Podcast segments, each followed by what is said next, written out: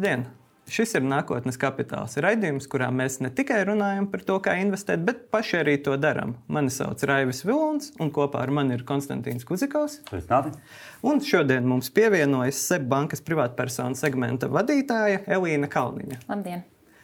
Tātad, kā jau skatītāji būs pamanījuši, mēs šajā sezonā tiekamies ar investoriem, gan amatieriem, gan no nozares, gan profesionāļiem, lai pārspriestu par viņu portfeļiem un viņu pieredzi. Taču pašu investoru individuālā pieredze, tas jau nav vienīgais, kas ir svarīgi. Ir svarīgi arī tā kopējā kaut kāda finanšu pratība, ko varbūt šis investors var nodot arī, piemēram, savai ģimenei. Elīna Kalniņa ir arī Sebbankas blogā rakstījusi par to, kā mācīt bērnam krāt, kā mācīt domāt par finansēm un kā audzināt to atbildību. Un, tad es arī gribētu sākt ar to jautājumu. Nu, kā tad iemācīt? Jo, piemēram, man nav bērnu, bet Konstantīnam ir bērni. Kā viņam sākt mācīt uh, saviem bērniem krāt, domāt par naudu? Un kad, piemēram, vai mēs varam piemēram, bērnam iedot uh, arī tā kā mums uh, ir pa 50 eiro nedēļā, lai uh, viņš kaut kur investētu un veidotu savu portfeli pats sev jau sākot no 16 gadiem, piemēram? Man liekas, būtiskākais, ar ko šeit ir jāsāk, kad vecākiem ir jābūt gataviem saviem bērniem maksāt šo kabatas naudu, lai viņiem vispār būtu tas, lai nauda būtu, lai nauda būtu no, no kā veidot šos uzkrājumus. Un pirms bērni sāk domāt par uzkrājumiem, manuprāt, svarīgākais ir jāiemācās, kā pareizi tērēt to naudu.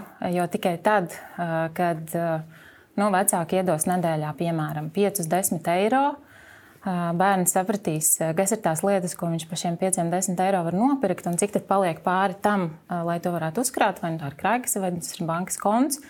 Nu, atkarībā no tā, kādā veidā šī kabatas nauda tiek bērnam arī iedota, nu, tas ir tas pats būtiskākais - iemācīties saprast, kā vispār tā nauda ir jātērē, un to atlikto daļu. Tad kopā ar vecākiem var apspriest, kā tad, nu, kā tad veidot tos uzkrājumus. Un vai, nu, tad, visticamākais, ka bērniem līdz Nu, līdz es gribētu teikt, pilngadībai noteikti vajadzētu domāt par tādiem uzkrājumiem, kas vispār nav riskanti. Tas ir, jau minēju, krājkasīte vai, vai norēķina konts. Un, bet, tas, nu, bet paralēli tomēr domāt arī par to, kā tajā brīdī, kad nu, šīs plašās iespējas pavērsies, kā pavairot to naudas, naudas vērtību, izmantojot dažādu veidu investīcijas. Jo nav jau noslēpums, ka jaunieši ir tie, kas kuriem ir ļoti liela interese par investēšanas produktiem un pakalpojumiem, bet tās zināšanas, diemžēl, ir ļoti nu, zemā līmenī, ar ko sākt un, un, un, un kā tās investīcijas veidot. Jo, jo tas veids, kā viņi var iegūt tās zināšanas, patiesībā ir tikai tik daudz, cik viņi atver internetu un izlasa. Jo skolās tādas obligātās finanšu pratības nav. Tā ir tāda vairāk finanšu iestāžu iniciatīva, kad viņi mēģina izglītot šos, šos jauniešus par to, kā veidot investīcijas un arī kā mazākā vecumā šo naudu uzkrāt. Nu, kā, Bet vai jūs banka pētat jautājumu par to, vai bērniem tagad pusauģiem ir motivāts to izdarīt? Jo vienkārši es saskaros ar to, ka tā ir realitāte. Mēs, mūsu paudze, ar, ar saviem bērniem, mēs auklējam daudz vairāk nekā ar mūsu. Un tur padomju laika, tur uh, mazs bērns, septiņus gadus vecs no īmatas, var pats aizbraukt līdz, līdz juglai. Tagad, tad 16 gadus tas nav iespējams. Manā konkrēta gadījumā ir tā, ka es pirms diviem gadiem aizvēdu savu vecāko meitu uz banku. Mēs atveram kartiņu un, un, un kontu. Un šogad mēs veiksmīgi viņu uh, iznīcinājām. Neviena darījuma vispār nav bijis. Tur ir kaut kāda nauda, bija, un mēs tikai maksājam par to. Tāpēc, ka, tāpēc, ka vecāki par visu jau parūpējas. Un tad šajā gadījumā, kur ir tā motivācija? Varbūt tur ap 18 gadiem tā parādīs. Bet jūs pētējat jautājumu, kā atšķiras esošie bērni no tā, kas bija nezinu, pirms desmit gadiem, varbūt. Un kā viņi tad runāt? Jo man pat bija doma, varbūt ir jāsaka spēlēt tur monopolu ar viņu katru vakaru.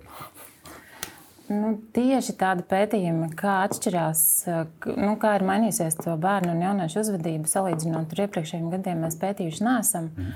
Bet um, zinot to, kas notiek tirgu un redzot, nu, kā mainās tā arī nu, sabiedrības domāšana, cik ļoti pēdējos gados tiek runāts par dažādu veidu drošības pilnveidošanu un tā tālāk.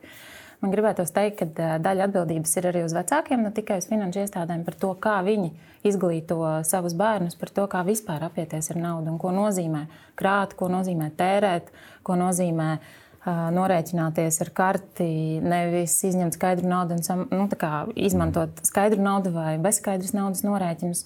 Tā kā, nu, tas ir tāda dalīta atbildība finanšu iestādēm un vecākiem. Darīt, es jūtu, ka es esmu bankomāts, kas taiga blakus. Mēs burtiski vēl pagājušajā nedēļā aizbraucām uz Jaņuros veikalu.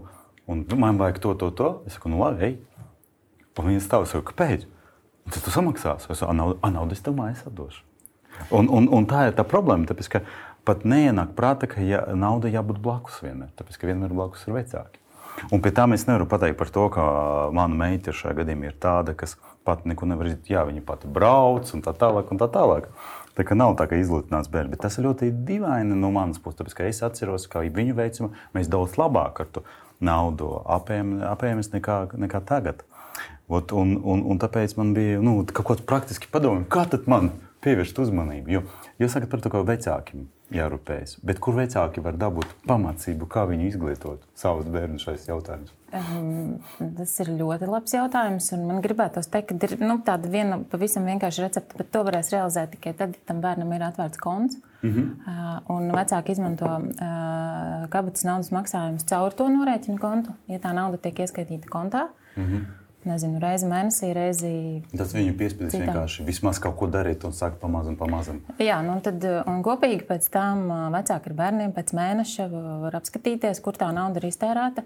Un izvērtēt, vai tas ir bijis nu, tāds Čipši vai kaut kas cits. Pamatots pirkums, vai to varēja atlikt citai reizei, un to naudu tomēr varēja uzkrāt. Un arī galu beigās patiesībā šī nav pamācība tikai bērniem. Šī ir pamācība ikvienam no mums, jo Jā. es ticu, ka paskatoties to ikmēneša pārskatu, uh, var saprast, varbūt, kad nezinu, pārtikas sadaļai var tērēt mazāk, vai apģērbu iegādēji var tērēt mazāk. Tā ir tā daļa, kur var novirzīt nezinu, vai nu uzkrājumiem, vai investīcijām, kurā nu, kurā nu stadijā katrs no mums ir. Uh, Bet es teiktu, ka tas ir viens no tādiem rīkiem, ko var pamēģināt darīt. Ja.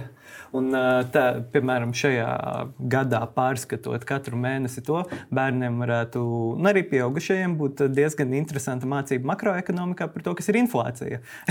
jo, ja, piemēram, ir fiksēta kabatas nauda nedēļā vai mēnesī, katru gadu eh, arī tas jaunietis droši vien pamanīs, ka katru mēnesi sanāk eh, ar mazāk čipsu, kā tu teici, Konstantīna. Jo it sevišķi čipsu cenas ir Jā, pieaugušas.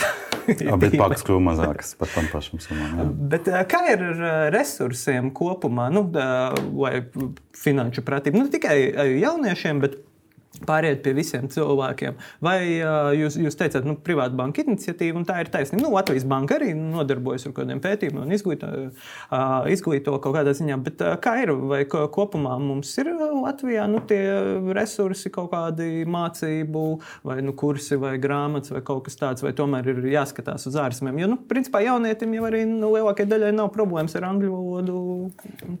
Um. Es drīzāk teiktu, ka pirmais, ar ko vajadzētu sākt, ir, ir tomēr Latvija.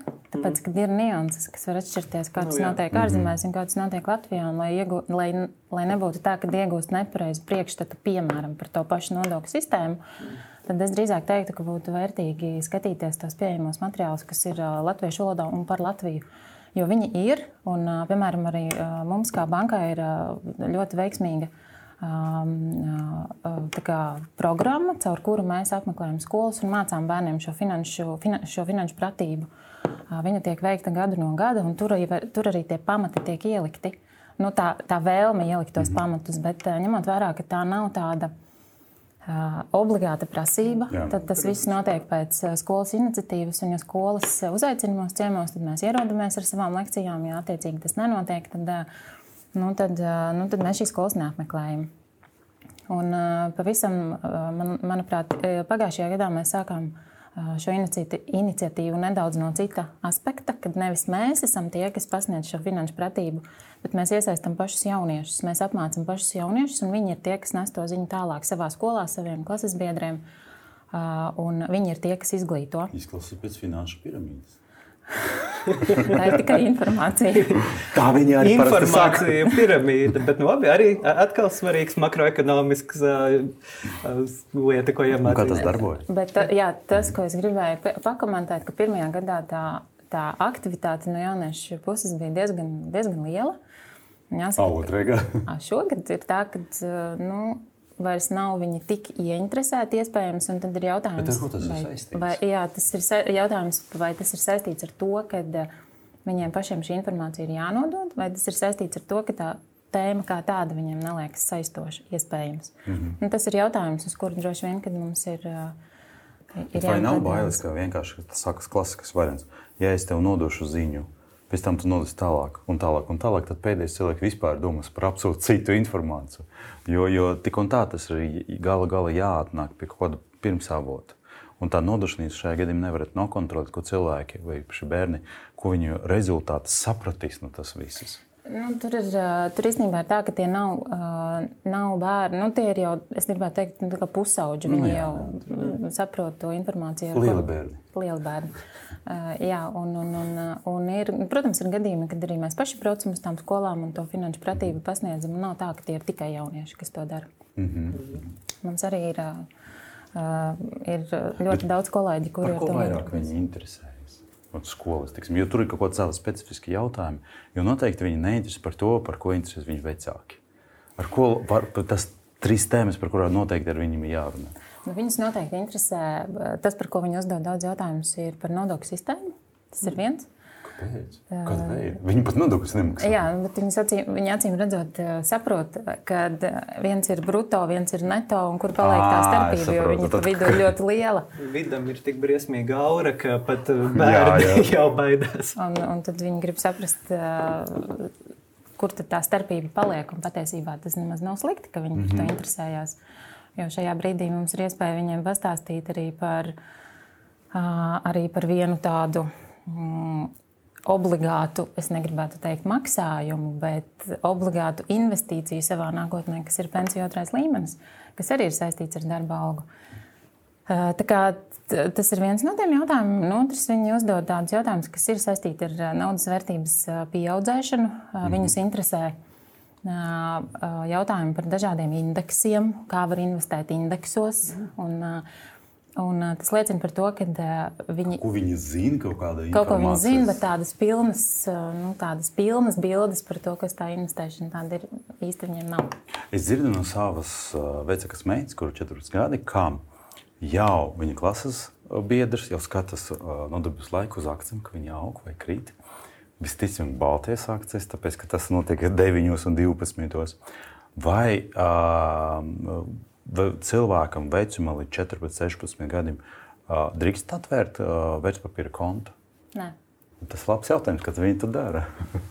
Bet labi. Tas, Bet, tas... Uh, es varu atbildēt tikai no uh, bankas puses, mm. kad, kad uh, vērtspapīrus, jeb dažādu veidu finanšu instrumentus mēs varam piedāvāt tikai sākot no 18 gadu vecuma. Mm -hmm.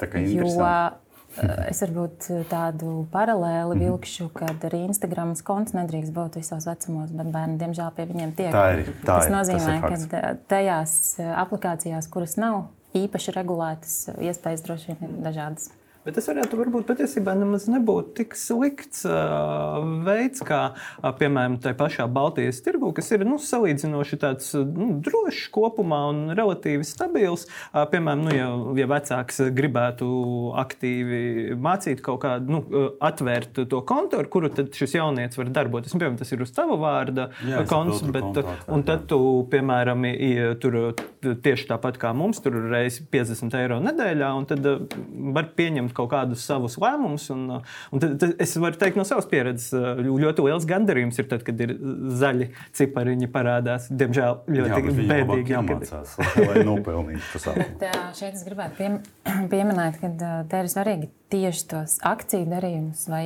vai finanšu instrumentu darījumus veikt nevis caur norēķinu kontu, bet tomēr izvēlēties to investīciju kontu. Mm -hmm. Un kas arī ir saistīts Jā. ar dažādu nodokļu sistēmu. Un, uh, un skatīties, vai tādu otru kontu, maz, eh, to otru investīciju kontu maz šādi var atvērt. Jo, manuprāt, eh, tas nozīmes ir, ka tas var būt tikai viens. Nu, vis, vismaz es no vidas saņēmu, ka es varu atvērt trīs, bet tas ir trīs dažādas platformas. Tas nav viens platformas. Nu, vienas, viena pakalpojuma sniedzēja. Jā, jā, jā. Nu, daudz jautājumu, daudz idejas, bet kopumā ir, ir par ko padomāt. Bet tad mēs varētu mazliet virzīties tālāk pie jums un pie jūsu pieredzes. Un tad uh, varbūt tad, uh, pirmais jautājums arī ir, uh, kas ir jūsu portfelī? Varbūt nesaucot konkrētus uzņēmumus, bet uh, kas ir šie instrumenti, ko jūs izmantojat, uz ko jūs skatāties? Uh, manā investīcija portfelī ir abi divi pensiju risinājumi. Tātad pensiju otrais līmenis un pensiju trešais līmenis. Uzreiz pārtrauc, ir kāds bankeris, kuram tas nav. Uh, Visi bankeri, kas bija šajā studijā, vienmēr piemin tās, tās divas es, lietas, ka viņi vienmēr ir. Laikam ir ļoti svarīgi. es, es gribētu teikt, ka tas nav saistīts nekādā veidā ar, ar, ar, ar banķieriem. Tas ir saistīts ar iedzīvotājiem, kuriem obligāti vajadzētu izdarīt apzinātu izvēli uh, tieši, tieši pensiju otrajā līmenī. Jā, jo tas ir, jo tas ir tāds reāli pasīvs, pasīva investīcija no tā, ko jūs nopelnat, jo da, nu, daļa no jūsu nopelnītās naudas aiziet jūsu uzkrājumiem pensijai. Protams, neviens nezina, kas būs pēc tiem gadiem, un, un, un, un, un vai būs labi vai būs slikti. Bet gadījumā, ja viss būs labi, tad to izvēli jūs iespējams tie, kas nebūs izvēlējušies, viņi nebūs izdarījuši. Nu, tādu atbildību. Liekas, tas ir Igaunijas variants, kad viņi paņēma un ļāva cilvēkiem izņemt to pensiju. Vai jūs to darītu?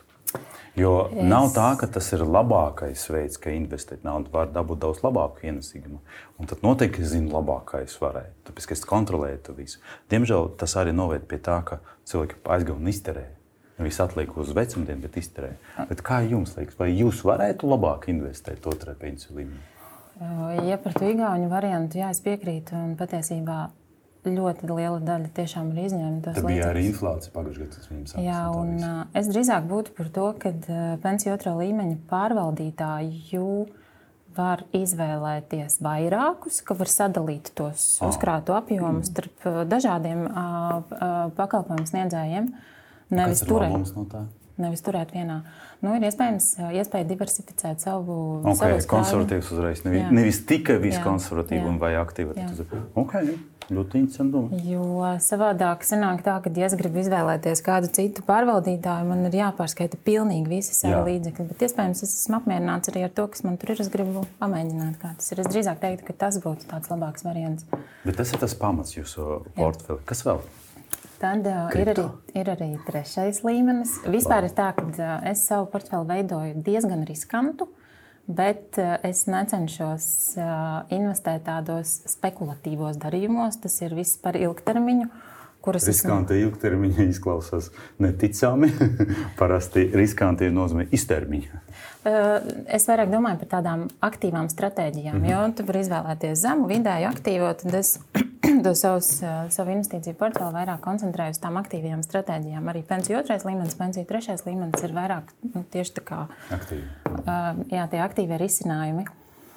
Un, un, viņi, un es, es jūtos diezgan pārliecināta, jo, ja, jo par tām investīcijām, kuras es veidoju, nu, es diezgan izsveru Tas vairāk ir saistīts ar akcijām, kuras es iegādājos. Mm. Es diezgan izsveru, nu, kāda veida uzņēmuma akcijas tad es iegādāšos. Tāpēc es jūtos diezgan ok, ja tas nu, tirgus tur staigā un mans portfels kādu laiciņu ir sarkans un, mm. un es neredzu pieaugumu. Uh, bet jā, tad uh, vēl manā investīcija portfelī ir pensiju trešais līmenis, uh, kurā es krāju ieskaita pati. Un ir tā, šis ir tas risinājums, kurus izmantoju tiešām arī divas, man ir divu veidu līgumi.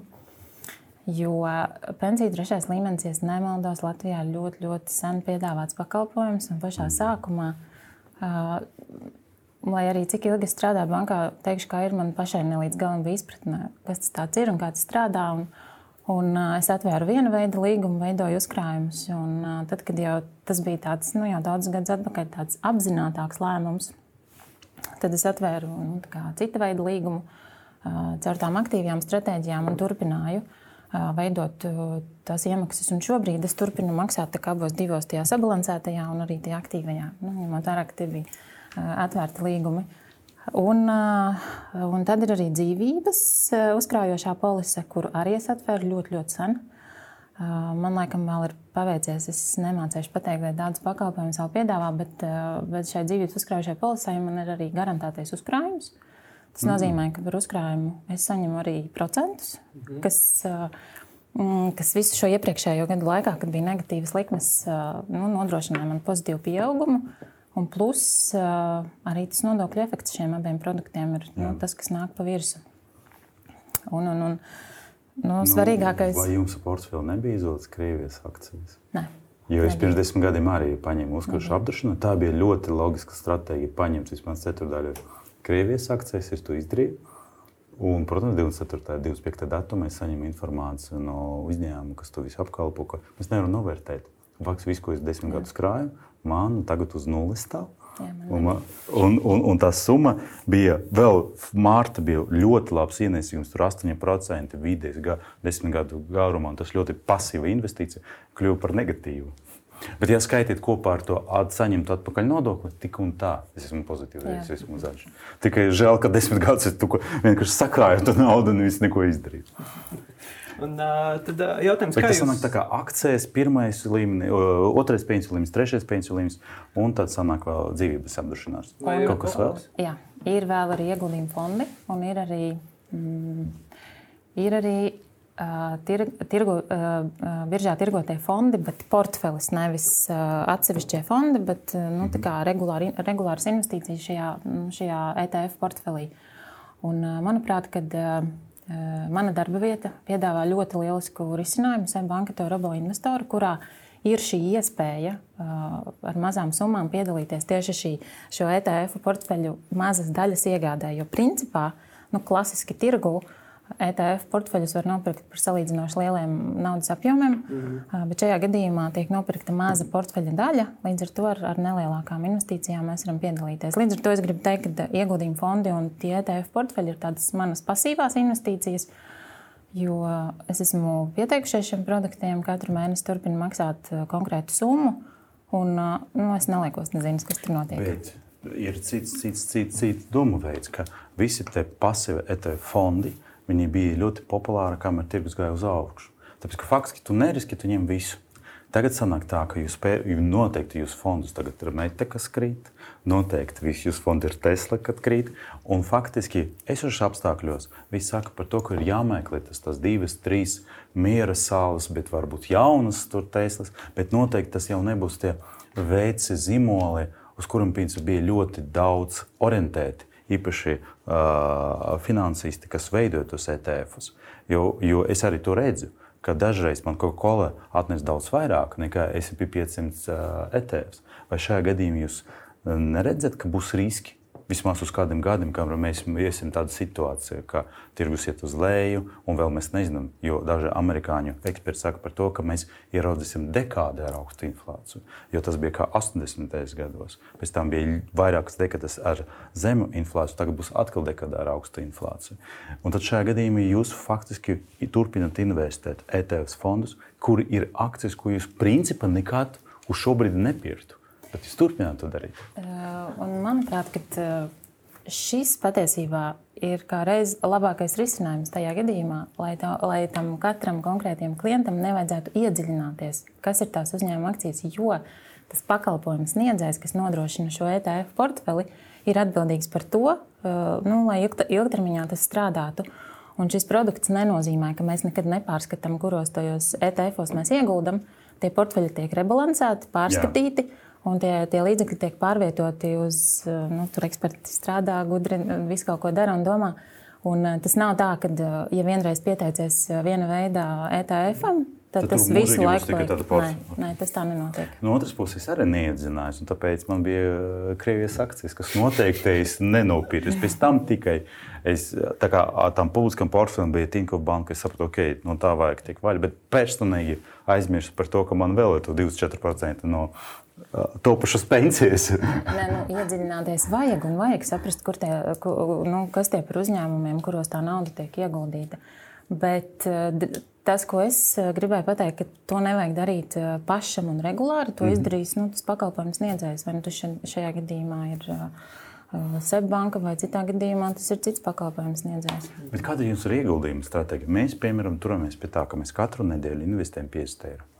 Un arī šonadēļ bija ļoti labi, ka man bija īstenībā jāiztur viņu vēl jāiegulda. Vēl nedēļas sākuma nekā tagad. Tagad viss iet uz augšu. Bet kā jūs, vai jūs turēties pie tam kaut kādam nedēļas, ik mēneša maksājumam, vai vienkārši to jūs darat vienu reizi gada, vai jūs meklējat to labāku momentu? Nē.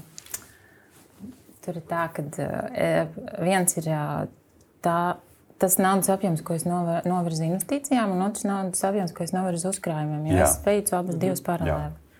Un, ja iet runa par to vienkāršāko sadaļu par uzkrājumiem, nu, tad tur es veidu, veido, veicu viņus katru dienu par noteiktu summu. Katru dienu? Katru dienu par noteiktu summu. Cik tas jūs procentu samak vai komisijas samaksāsiet? Nulli.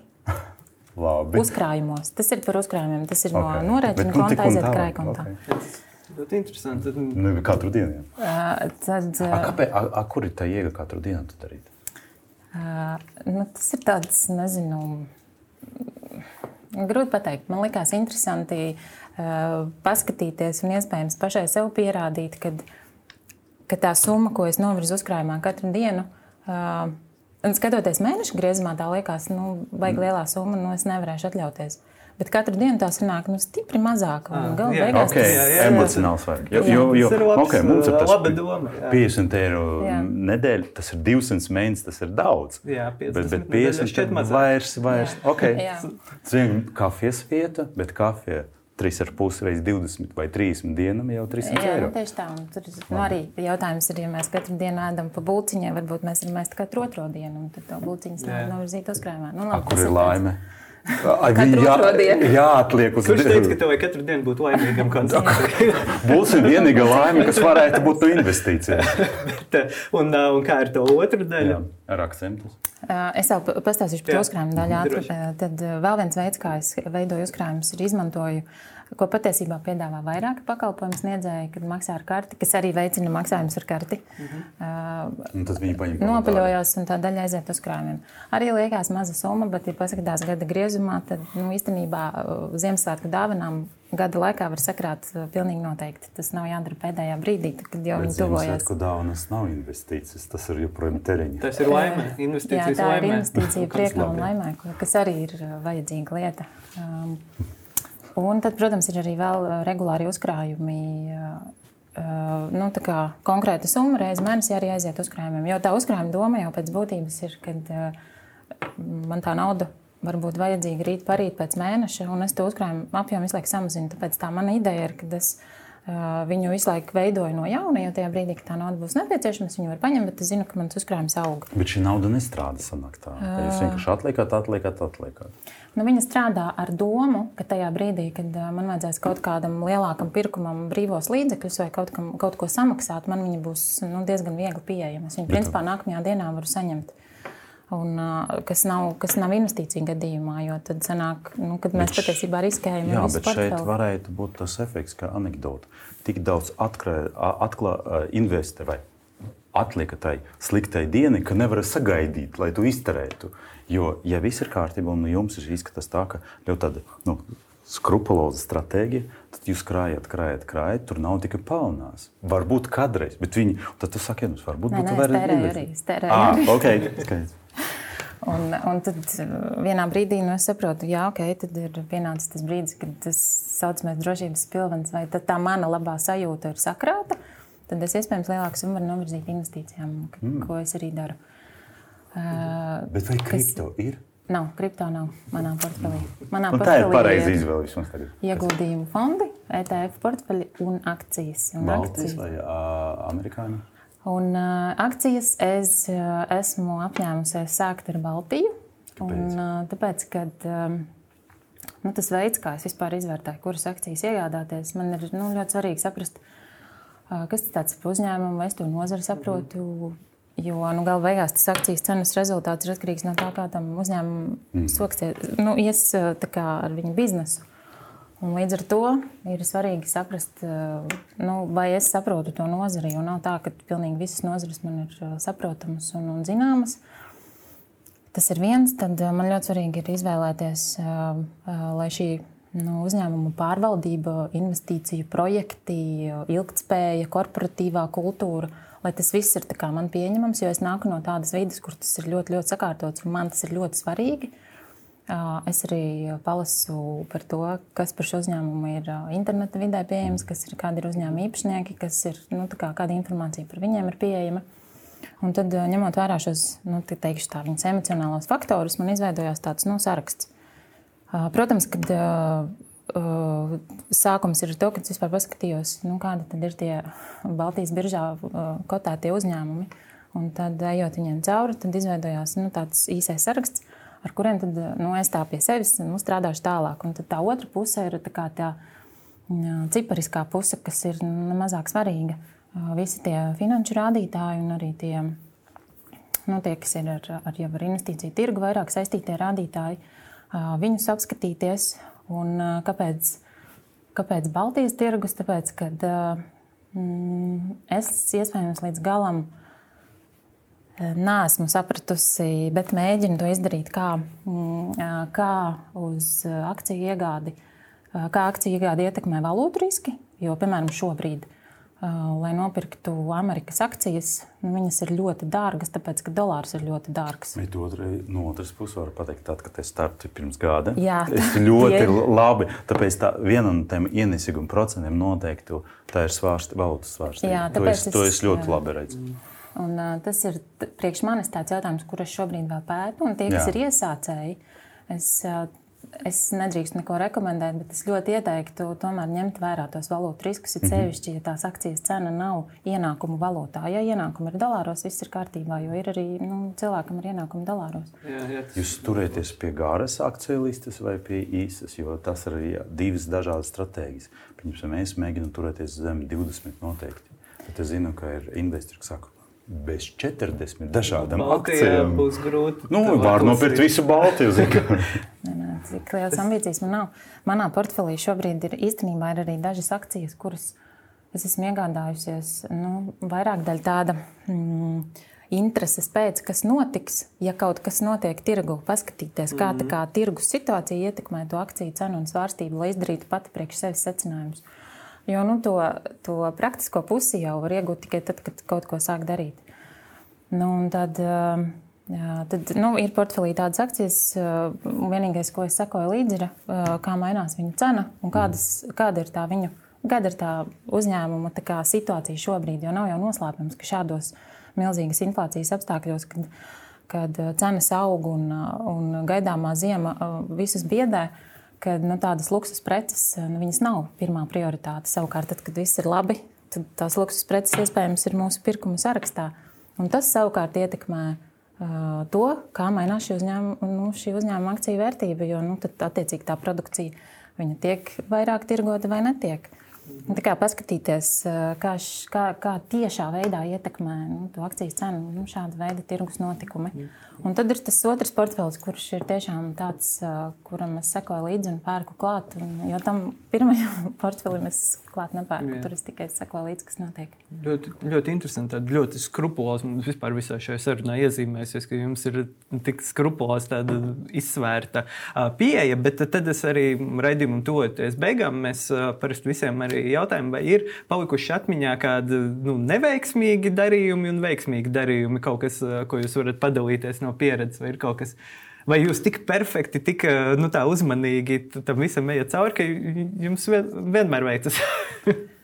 Nu, es nezinu, vai to var saukt par veiksmu, bet jā, es gribētu teikt, ka ņemot vērā, ka es visu izsveru, saprotu, ka tas viss strādā ilgtermiņā, rēķinos. Man ir noteikts mans tāds līmenis, līdz kuram es esmu gatava zaudēt no savas sākotnējās investētās naudas. Es gribētu teikt, ka nu, man nav bijušas tāda neveiksmīga, tādas neveiksmīgas investīcijas. Es drīzāk gribētu teikt, ka pirms pāris gadiem bija ļoti veiksmīgs pirkums, kurš patiesībā šajos apstākļos manu portfeli nodrošina nu, zaļu kopumā, mm -hmm. par ko es ļoti, nu, ļoti priecājos. Uh, nu, tas varētu būt tāds veiksmīgākais. Vai sektoru vismaz, ja jūs negribat konkrēti uzņēmumu minēt? Uh, nu, tas ir Baltijas uzņēmums. Un, mm -hmm. uh, es labprāt neminētu konkrētu okay. uzņēmumu. Tad... Bet kāpēc pārdevat? Varbūt tas bija jātur. Nē, es nepārdevu. Es saku, joprojām viņas ir manā portfelī, bet es redzu, ka tā cenas starpība ir ļoti, ļoti būtiski mainījusies. Bet es neesmu pārdevis. Es drīzāk iespējams gaidu to brīdi, kad viņas priekš manis nokritīsies, mm -hmm. nu, mhm. varbūt mēs varētu pateikt, ka tas būtu daudz redzu. vairāk nekā jā. tas bija. Tad. Mm -hmm. tad, tad kopumā sanāk, ka nu, jūs esat zaļā. Šobrīd, kamēr jā. visa pārējā pasaule ir sarkanos cipariņos par manu portfeli, kur kriptovalūtas vēl uz leju vispār var nerunāt, tad ļoti veiksmīgi. Lūk, vai jūs skatāties vidēju, cik tad investējam katru gadu, un tad vidējs tas, tas ienesīgums, cik viņš ir? Nē. Okay. Tā, skata, jo, jo es skatos individuāli pa katru, un pat bija interesanti lieta, ka es pat ieraudzīju, ka pat var dabūt 10% ar to uzkrājušu apdrošināšanu. Uh, video vismaz pēdējiem 3-4 gadiem. Bet tas ir tāds, es, es pats biju izbrīnīts par to, ka var tik daudz dabūt. Protams, ka tas bija, tas nav tagad. Uh, Bet tad, kad es ieraudzīju, ka es desmit gadus krāju, tur knapi, knapi es dabūju tos astoņus, es pēc trim gadiem uzreiz momentāli pārēju desmit dabūju. Mm. Bet viss, protams, tas bija. Tas viss bija. Jo, nu, lai, lai, veiktu, nu, lai veidotu šādu statistiku, ir, manuprāt, jābūt ļoti zinošam tajā jomā, jo tajos plusos un mīnusos tad attiecīgi ir jāņem iekšā gan nodokļu maksājumi, gan jā, dividendes, jā, gan valūtu tirgu riski, gan inflācija, gan vidējās Kāpēc cenas. Tas nav iespējams darīt tik vienkārši. Ot, Es atceros visu, ko es investēju. Man bankas e, statements ir, es tur paņēmu. Un tagad es skatos to ko, konkrētu vērtību. Saprotu, un tad vienkārši daudz uz tiem gadiem, ko es investēju. Kāpēc tas nedara tik vienkārši, tik primitīvi? Nu, tāpēc, kad nu, nāk tie blakus efekti, klā, ef, efekti klāt, kas nu, Labi, nodokļus arī klāta, atskaitam no investīcijiem, nu, dividendes pievienojam tur. Tas jau pašam ir jāizrēķina. Jā. Liels Excels. Jā, jā, jā, jā ļoti liels. Man, tas ir tām tas, tas noteikti jā, ir ļoti liels Excels, kuros neesmu sākus veidot, bet paturu prātā, ka ir, ir plusi un mīnusi tam portfelim. Jā, un uh, raidījuma beigās uh, īsi gribēju pavaicāt, vai ir kaut kādi avoti vai uh, grāmatas. Uh, nezinu, YouTube satura veidotāji vai kaut kādi citi avoti, no kuriem mācīties, skatīties un no, kā domāt. Jo nu, nav noslēpums, ka mūsu auditorija, un vismaz mēs tā ceram, ir cilvēki, kuri uh, ir tikko sākuši vai vēl tikai plāno sākt. Uh, tad, uh, kur, kur viņiem pamācīties, kur pasmelties informāciju, lai uh, kļūtu zinošāki un arī piesardzīgāki un saprātīgāki. Jo, kā mēs noskaidrojam, šeit ir ļoti daudz faktori, kas būtu jāzina katram investoram. Nu, Pirmā izvēle ir mūsu raidījums. Tas ir skaidrs. Pēc tam, kad raidījums ir paskatīts. Nu, manuprāt, kad, uh, Internets ir pilns ar dažādu veidu Jā, materiāliem. Riski, kā uzmanīties? Kā, kā, kā saprast, ka man, ne, nemēģina pārdot kurta, karta kursu par 400 eiro? Tāds bija mūsu kriptovalūtu eksperta ieteikums. Ja mēģina jums iesmērēt kādas kodas vai konkrētas kriptovalūtas, tad uh, slēdziet ārā šo video. Nu, mm, tas, kas man ļoti patīk, es klausos dažādu veidu podkastus, kur dalās cilvēki pieredzē. Bet tā ir mana personīgā mm, pieredze. Es nevaru, es nevaru iegūt tādu, mm, tādu praktisku pieredzi, izlasot grāmatu. Man tas ir ļoti grūti. Man vajag, lai cilvēks izstāsta.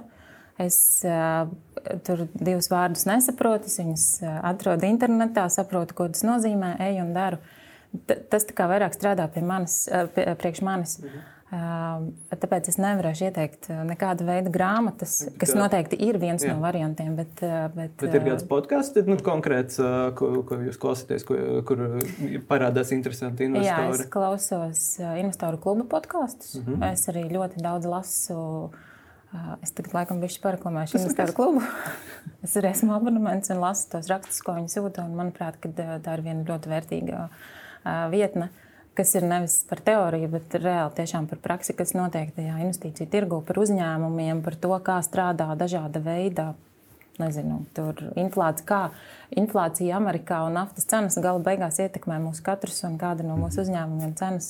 Kā, tā man, man liekas, ka tā ir ļoti vērtīga un praktiska lieta. Protams, arī var lasīt dažādu veidu teoriju. Es arī, protams, skatos, kas notiek citos tirgos. Tad tas, kas nepērk tās akcijas, nenozīmē, ka es nesakoju līdzi to daru. Vietnes ir ļoti daudz. Es personīgi izmantoju Yahoo Finance, kuras mm. esmu izveidojis to savu top uzņēmumu listi, kurus es varbūt nekad nepirktu. Bet es pret viņiem, nu, viņi ir nu, baigi giganti, viņiem ir jāzina, kas ar viņiem notiek, jo viņi ietekmē to akciju tirgu. Nu, tā kā sekoju līdzi tam, mm. bet nu, kā nu, tas ir tas veids, mm -hmm. kā es iegūstu šo informāciju. Jā, super. Lielas jums paldies! Teikšu paldies mūsu viesņai Elīnai Kalniņai, Seba bankas privātpersonu segmenta vadītājai. Paldies! Un skatītājiem atgādināšu, ka uh, tam, kā veicas mūsu portfeļiem, vai šajā gadījumā man neveicas Konstantīnam, iet drusku labāk. Jūs varat, skat... labāk. jūs varat lasīt katru pirmdienu nākotnes kapitāls LV, kur arī jūs varat atrast uh, daudz informāciju par to, kā iet uh, finanšu tirgos, kripto pasaulē un tā tālāk. Kā arī jūs varat klausīties mūsu podkāstos. Starp citu, arī nākotnes kapitāls ir pieejams Spotify un Apple podkāstā. Paldies! Paldies Elīnai! Paldies, paldies Konstantīnam! Visu labu! Visu labu!